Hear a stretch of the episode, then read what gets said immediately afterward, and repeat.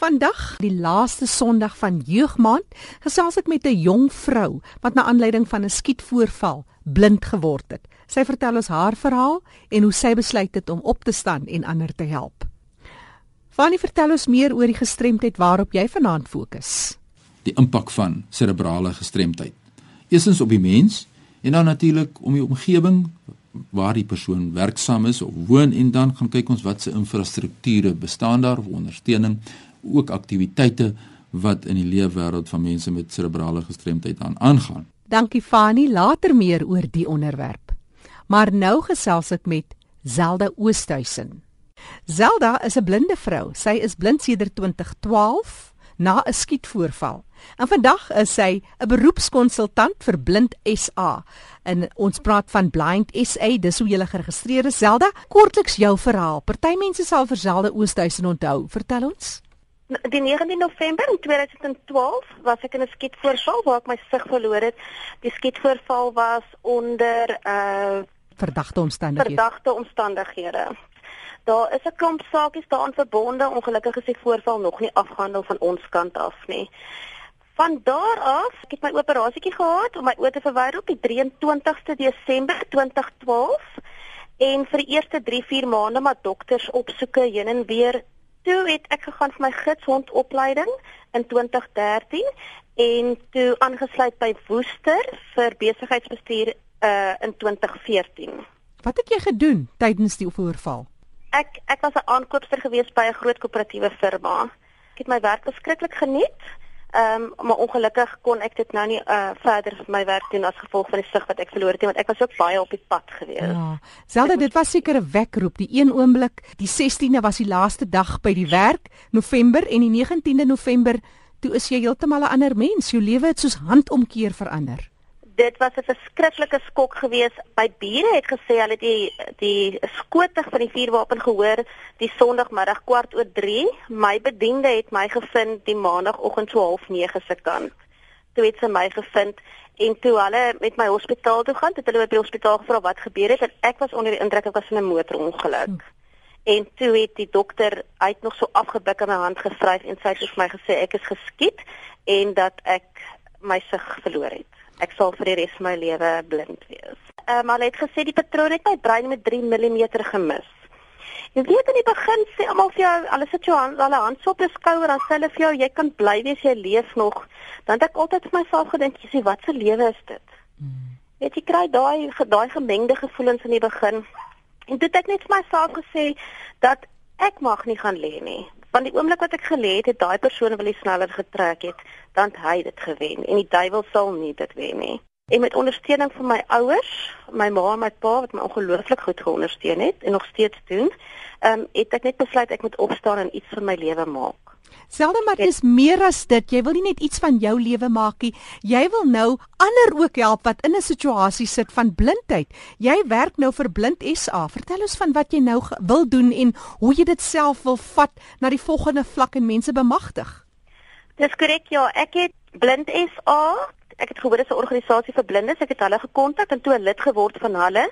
Ehm um, alle ledegeld is ook verskriklik goedkoop, is maar R30 per jaar en vir alles wat hulle vir die blindes doen, is dit regtig min.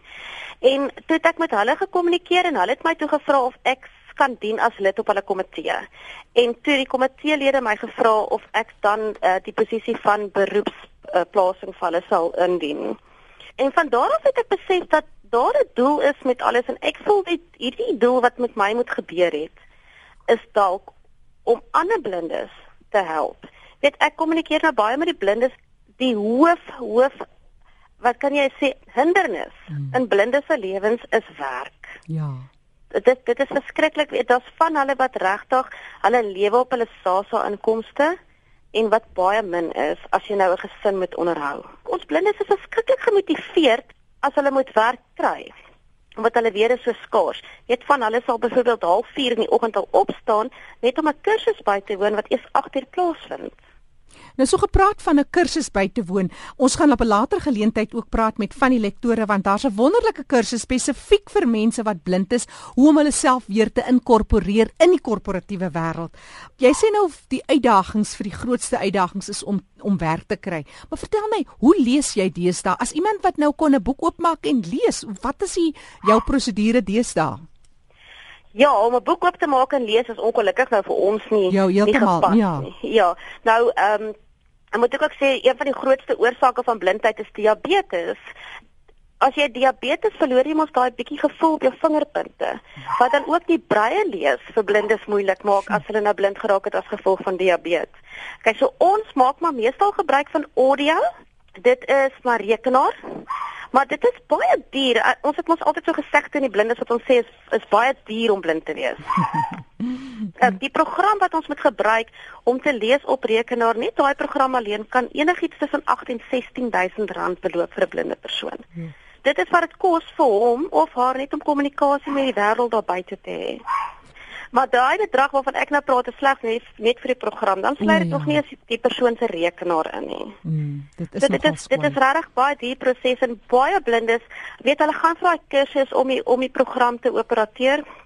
Maar dan gaan hulle van die kursus af huis toe want hulle het nie daai toegang tot finansies om net by die huis nou te sit en met die program te werk om 'n rekenaar te koop en so nie. Maar behalwe vir dit is die werk daar buite vir blindes en my hele doel is om organisasies te betrek en bewusmaking van blindes in die blinde wêreld. Weet alle 'n organisasie 'n blinde persoon sal skrik as hy sal daar ekstra myl stap in 'n organisasie as daai organisasie sy vertroue in hom plaas. Ja. En en wat my baie interessant is met baie blindes wat ek gekommunikeer het, het vir my gesê selfs al kry hulle net 'n geleentheid om hulle sal vir 'n firma gaan werk sonder betaling vir 'n paar maande, net vir die firma hulle moet vertrou en sê hoor hierso, kyk ek kan dit doen. En ek beloof jou na 3 maande gaan daai firma vir hom sê ek is so trots wat jy alles kan doen. Ons gaan vir jou permanent aanstel. Nou dit is nou juis waar jy julle bietjie gestruktureer het. Women in the Workplace is in Belwel en jy's betrokke by hulle. Vertel ons meer oor die werk wat julle nou daar doen. Al het my genader, ehm um, Letitia McCabe. Ek help maar vir haar. Ek is nie amptelik betrokke by haar nie. Ek is maar net haar, haar netwerk as jy dit so kan hmm. stel. So ek werk nou 'n bande van Blind SA dat ons nou met saam met hulle gaan werk. Hulle bied die kursusse aan. Ek en sy het gesels en Letitia sê vir my dat dit help nie. Daar's verskillende organisasies wat blindes kursusse aanbied en dan doen jy daai kursus en jy gaan Woester toe by die Instituut vir Blindes. Wat gebeur as jy daai sertifikaat in jou hand kry? En dit is wat dit moeilik maak. Net 'n blinde persoon kan hoeveel kursusse bywoon, maar sy nie die werk kry nie. Wat beteken daai kursus vir op die einde van die Absoluut. dag? Absoluut. Dis waar netwerke van kardinale belang is. Dit is juis dis hoekom sy met noue bande nou saam met my wil werk vir Blind SA. Weet ehm um, ek het 'n hele lys van die lede van Blind SA en so ek werk nou saam met die visiepresident wat Louis is van Blind SA. Hy help my ook baie. So ons hele missie is om kos op 'n blinde persoon se tafel te kry deur hom 'n beroep te kry. En van die suksesse, 'n suksesstorie wat jy vandag met ons kan deel. Daar's heelwat suksesstories. Ehm um, ek het nou toe ek gegaan het vir my opleiding by Women in the Workplace. Ons het 'n telephone management kursus gedoen by hulle NQF level 4. Toe vertel Teresa Pretoria sy gee die opleiding deur superior uh training. Toe vertel sy ons van die dametjie in Port Elizabeth wat blind is en sy het so gesukkel om werk te kry en sy het toe uiteindelik werk gekry by die munisipaliteit. Maar nie as betaling nie, sy het dit vrywillig gedoen. En daar het sy vrywillig gewerk vir 2 jaar. En na 2 jaar toe verloor die een besieder van een afdeling sy werk en die enigste een wat ondervinding toe gehad het in daai afdeling was die dametjie. Mm. Sy is permanent aan diens gestel deur die munisipaliteit en sy verdien vandag 'n inkomste van R22000 nadat sy dit 2 jaar gratis gedoen het. Ja. Dis 'n mooi storie. Oud en jonk, die groot groot groot uh, hindernis wat natuurlik in enige blinde persoon se pad staan, staan is vervoer. Uh vervoer is vir ons 'n verskriklike probleem, maar weer eens wat ek sê, 'n blinde persoon is so gemotiveerd om uit te kom waar hy moet wees as hy net daai geleentheid gegee word dat dit vir hom nie 'n probleem is om al 3 uur op te staan om vervoer te kry nie. Selfs as jy werk nou vir Blind SA en nou saam met Women in the Workplace, maar alhoewel dit nou sê Women in the Workplace, is dit ook vir mans nie. Ja, dis ook vir mans. Ons het heelwat man studente gehad by my klas ook. Maar die die die doel is Women in a Workplace het nou onlangs eers begin, so hulle konsentreer net op kursusse vir mense wat gestremdheid het. Nou omdat ek nou die kontak het vir ander gestremdes, kan ek hulle verwys na studente toe. Ehm um, die blinde persone stuur hulle CV's na my toe. As ek sien dat sy CV dat hy nie kwalifikasies het nie, dan verwys ek hom na Letitia McKay toe en ek sê vir hom hoorie so daar's vir jou kursus, dit is gratis. Hulle betaal nie daarvoor nie. Doen die kursus, dan vul ons dit aan by jou CV en dit maak hulle geleenthede vir hulle soveel makliker as hulle moet gaan vir onderhoude. So jy is 'n baie belangrike skakel in die wêreld van mense met gestremthede, want iemand het dalk heeltemal 'n ander uh, vakmanskap of 'n ander ondervinding, ander kwalifikasies en jy het nou net daai oorbrugging nodig om met jou gestremdheid die werk te kan doen. Waar kan mense met jou kontak maak? Hulle kan my kontak op my selfoon is 072 680 4191. Net weer? 072 680 4191.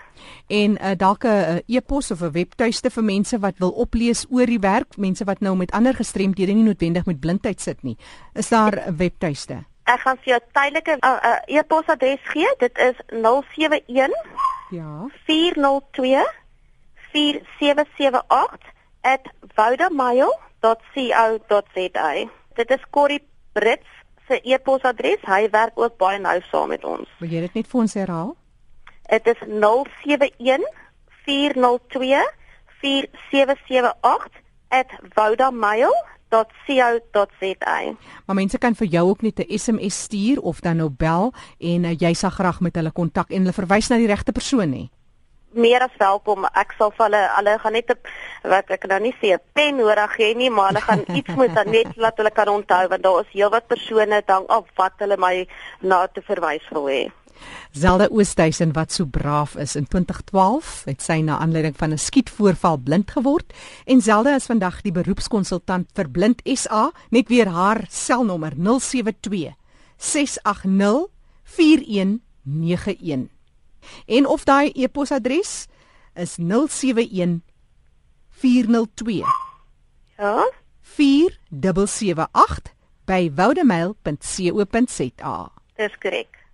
Onthou jy kan weer gaan luister na hierdie insetsel Leefwêreld van die gestremde. Maak 'n draai op ons webtuiste rsg.co.za, klik op potgooi en luister na Leefwêreld van die gestremde.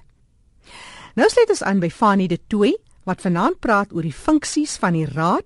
Dis vir mense wat leef met serebraal gestremdhede. Oor na jou Fanie. Nou, om hieroor te gesels is Annelien Rousseau nou op die lyn en ons gaan kyk na hierdie saak. Annelien, uh, voor ons praat oor serebrale gestremdheid en wat jy alles doen, uh, net bietjie agtergrond oor jouself. Ehm um, ek is van beroep 'n maatskaplike werker. Ek het gestudeer aan die Universiteit van Pretoria en ek ehm um, werk tans vir die afgelope 14 jaar by die Wesrand Vereniging vir Gestremdes hier in Kreersdorp. Nou, ons hierdie program kyk spesifiek dan nou na die vereniging vir persone met serebrale gestremdheid en waar dit nou inpas. Uh, So waar pas die vereniging vir persone met serebrale gestremdheid in? Natuurlik die Wesrand Vereniging vir Gestremdes is geaffilieer by die ehm um, Raad vir persone met serebrale gestremdheid. En miskien moet ek net vir jou 'n bietjie agtergrond gee van waar kom die ehm um, vereniging vir persone met serebrale gestremdheid vandaan. Ja, asseblief. Dienslewering aan persone met serebrale gestremdheid in Suid-Afrika het al reeds so vroeg soos in 1920 begin. Ehm um, deur organisasies in Natal en die Nasionale Raad vir persone met fisies gestremdes in Suid-Afrika is in 1939 tot stand gekom en op daardie stadium het hulle serebrale gestremdheid gesien as 'n fisiese gestremdheid en dit is toe geakkommodeer deur hierdie vereniging vir fisies gestremde persone.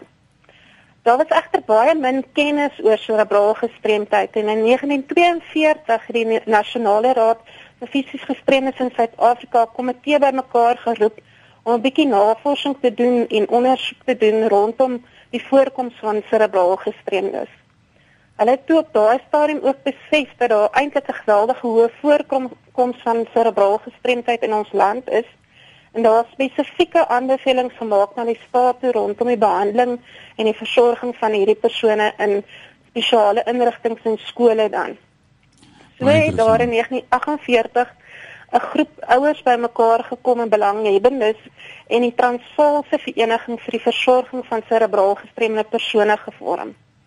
Die eerste sentrum wat uitsluitlik vir serebraal gestremde persone geskep is, is in Johannesburg geopen en dit was 'n skool ehm um, wat hier 'n spraakterapeut ehm um, se leiding ehm um, gevestig is en hulle het toe hulp ontvang van die Transvaalse Departement van Onderwys en het die skool Forest Town begin wat 'n staatskool is in 1950.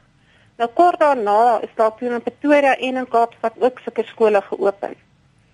In 1954 het die Nasionale Raad vir persone met fisies gestremdes en hierdie Transvaalse Vereniging vir die versorging van serebraal gestremdes besluit om hulle kragte saam te gooi en hulle het die eerste nasionale konferensie vir oor serebraal gestremdes in September 1951 in Johannesburg gehou.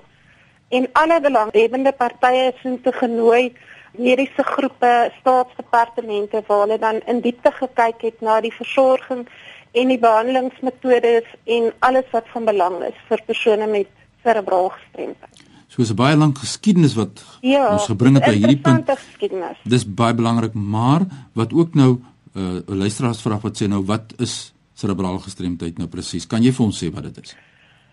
In kort kom dit daarop neer dat serebrale uh, gestremdheid 'n verstoring van willekeurige bewegings en koördinasie wat veroorsaak word deur die onvolkomme ontwikkeling van die uh, en 'n besering aan sekere dele van die onontwikkelde brein. Met ander woorde dit is 'n breinbesering wat plaasvind um, wanneer die brein nog besig is om te ontwikkel. En dan cerebrale verlamming kan verskeie forme aanneem. So nie een persoon is noodwendig dieselfde as die ander persoon wat cerebrale gestremdheid het, um, het nie. Dit is interessant dat ehm um, veroorsaak ook probleme met posturele aanpassings. Persone sukkel partymal met hulle greep, hulle handgreep, hulle sukkel om te sit, te loop, te sluk, te praat en hand en oogkoördinasie. As gevolg van die sensitiwiteit van die onvolwasse brein kan die verstoring van die uh, posturele beheer en spieraktiwiteite belemmer word en um, kan dit ook ander dele van die brein affekteer. Daarom kan die fisiese afwykings ook gepaard gaan met een of of meer geassosieerde kondisies byvoorbeeld soos epilepsie, vertraging van die ontwikkelingsmylpale, visuele of gehoorprobleme, spesifieke leerprobleme, swak konsentrasie, vermoë en kommunikasieprobleme. So dis 'n wye verskeidenheid en groep van gestremthede wat voorkom onder cerebraal gestremdes, maar die belangrike is dat dit 'n besering aan die aan die jong brein wat nog besig is om te ontwikkel. Baie belangrik lewer dat van die gestremde te verantwoordelikheid om organisasies aan die een kant en ook aspekte rondom gestremdheid na vore te bring en dit waaroor ons gesels met Annelien Resou en ons kyk na cerebrale gestremdheid. Ons het gehoor hoe dit ontstaan het, die fokus wat daarmee saamgaan, maar daar was 'n paar maande gelede 'n konferensie. Wat is die doel van die konferensie? Ek dink dis 'n jaarlikse instelling, maar kom ons hoor eers wat was die doel van die konferensie? Soos ek in die um, geskiedenis gesê het, het daar al reeds in 1954 die eerste konferensie plaasgevind en dit is nog steeds die doel van die konferensie om groepe bymekaar te bring en die nuutste metodes van behandeling te bespreek sowel as die uitdagings wat persone met cerebrale gestremdheid ervaar en dan ook hulle families. En ons moet nooit die families van hierdie mense vergeet nie. Ja, baie belangrik. Die gesin, die impak op die gesin is so ja. belangrik. En hierdie konferensie is toe waar aangebied hierdie jaar? Ehm um, hierdie konferensie was hierdie jaar hier in die Wesrand aangebied. Dit is die eerste keer volgens my kennis wat ons dit in die Wesrand aangebied het. Ehm um, en dit was 'n wonderlike ervaring geweest. Sê vir my die gemeenskap ondersteuning in die verband, die families het hulle baie bygedra tot die konferensie? Ehm um, die konferensie was bygewoon deur ehm um, afgevaardigers van oor die hele land. Daar was 'n hele paar ouers wat dit bygewoon het en ja, ons het heelwat ehm um, ondersteuning gekry uit die gemeenskap ook. Wat wonderlik is is as 'n organisasie soos ons die konferensie aanbied, kry ook die geleentheid om van jou mense wat spesifieke kennis het oor hierdie toestand te nader om dan die konferensie te kom aanbied. Ja, dit is baie belangrik en natuurlik die onderwerpe wat hanteer ja. is. Kan jy vir ons so 'n kykie gee wat is die spesifieke brandpunte wat bespreek is of van 'n paar van die brandpunte? Die tema van die konferensie was ehm um, cerebrale gestremdheid deur die lewensiklus. Ehm um, ons wil baie graag gekyk het na wat is die impak van cerebrale gestremdheid op die persoon as geheel. Daar is nog geweldige groot leemtes veral in die volwasse cerebrale gestremde persoon en die hantering van sy ehm um, indiensplasing byvoorbeeld inskakeling in die gemeenskap en vir uh, psigososiale aanpassing in die gemeenskap. So daar's 'n hele paar interessante onderwerpe gedek. Belangrik uh, goed wat na vore gekom het is weer eens dat ehm um, vroeë identifisering in die terapie ehm um, deur al die verwante dissiplines is werklik benadruk. Die belangrikheid van terapie deur die persoon se hele lewe is ook benadruk. Ons vind baie keer dat ehm um, daar wel toegang is tot ehm um, dienslewering en terapie wanneer die kind klein is, maar sodra hy die skool verlaat, dan is dit nie meer so gereedelik beskikbaar nie. As gevolg van die feit dat ons staatsinstellings nie altyd die hulpbronne het nie en ook dis 'n groot probleem met vervoer byvoorbeeld om by hierdie instellings uit te kom waar die terapie dan aangebied word. So van hierdie aspekte is gedek.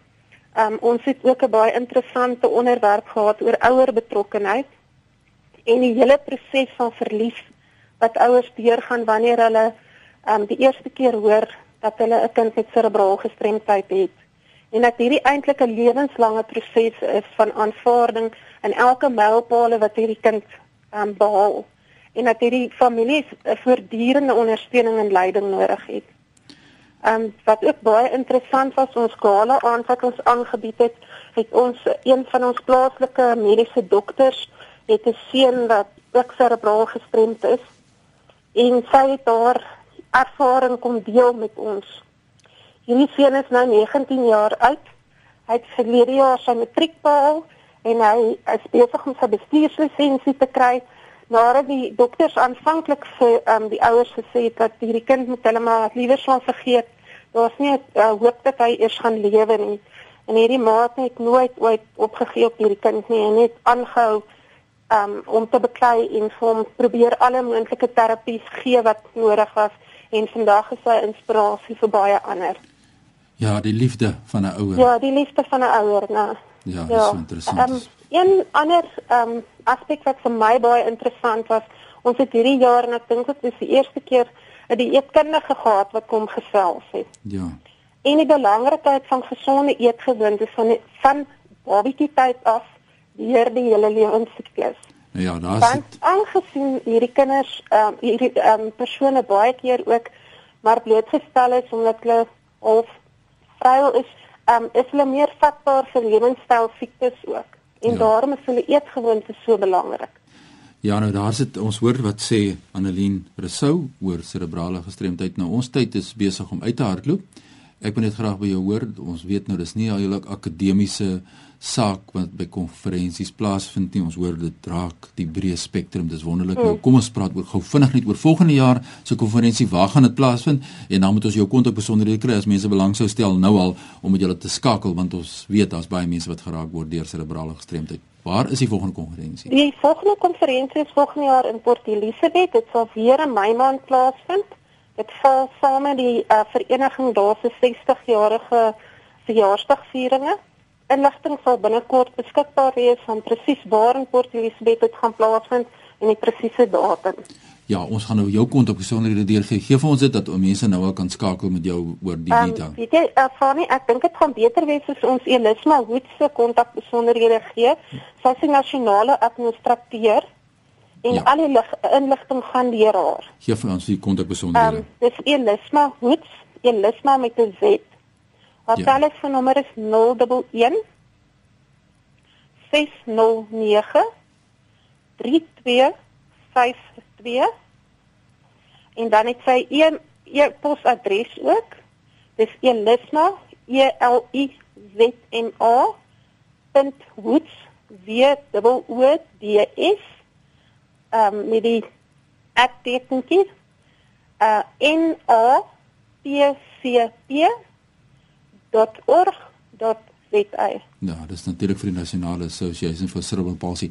Maar kom ons gee daai kontaknommer, daai telefoonnommer neer as mense wil skakel en vir hulle smaak. Dis 011 609 3252 52.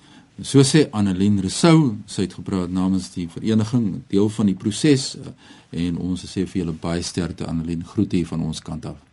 Baie dankie vir die geleentheid. Ja, dit is so belangrik dat ons hier by RSG die inligting deurgee aan die gemeenskap wat aangaan in die lewe wêreld van mense met gestremthede. Dink jy gevra het nuwe onderwerpe wat jy wil hê ons moet hanteer, stuur die e-pos aan fani@routeindependence.co.za. Terug na jou daar in Johannesburg, Jackie. Dankie Fani vir 'n baie interessante en 'n insiggewende gesprek oor serebrale gestremthede. Stuur vir ons 'n vinnige SMS na 3343. Wat is jou terugvoer oor die program? Dalk wil jy met ons 'n storie deel van iemand wat leef met 'n gestremdheid en dit hoef nie noodwendig 'n suksesstorie te wees nie. Miskien is dit iemand wat hierdie uitdagings mee vroeg. Ons hoor graag van jou. 3343 SMS kos jou R1.50. Ek is Jackie January. Wat groet tot 'n volgende keer.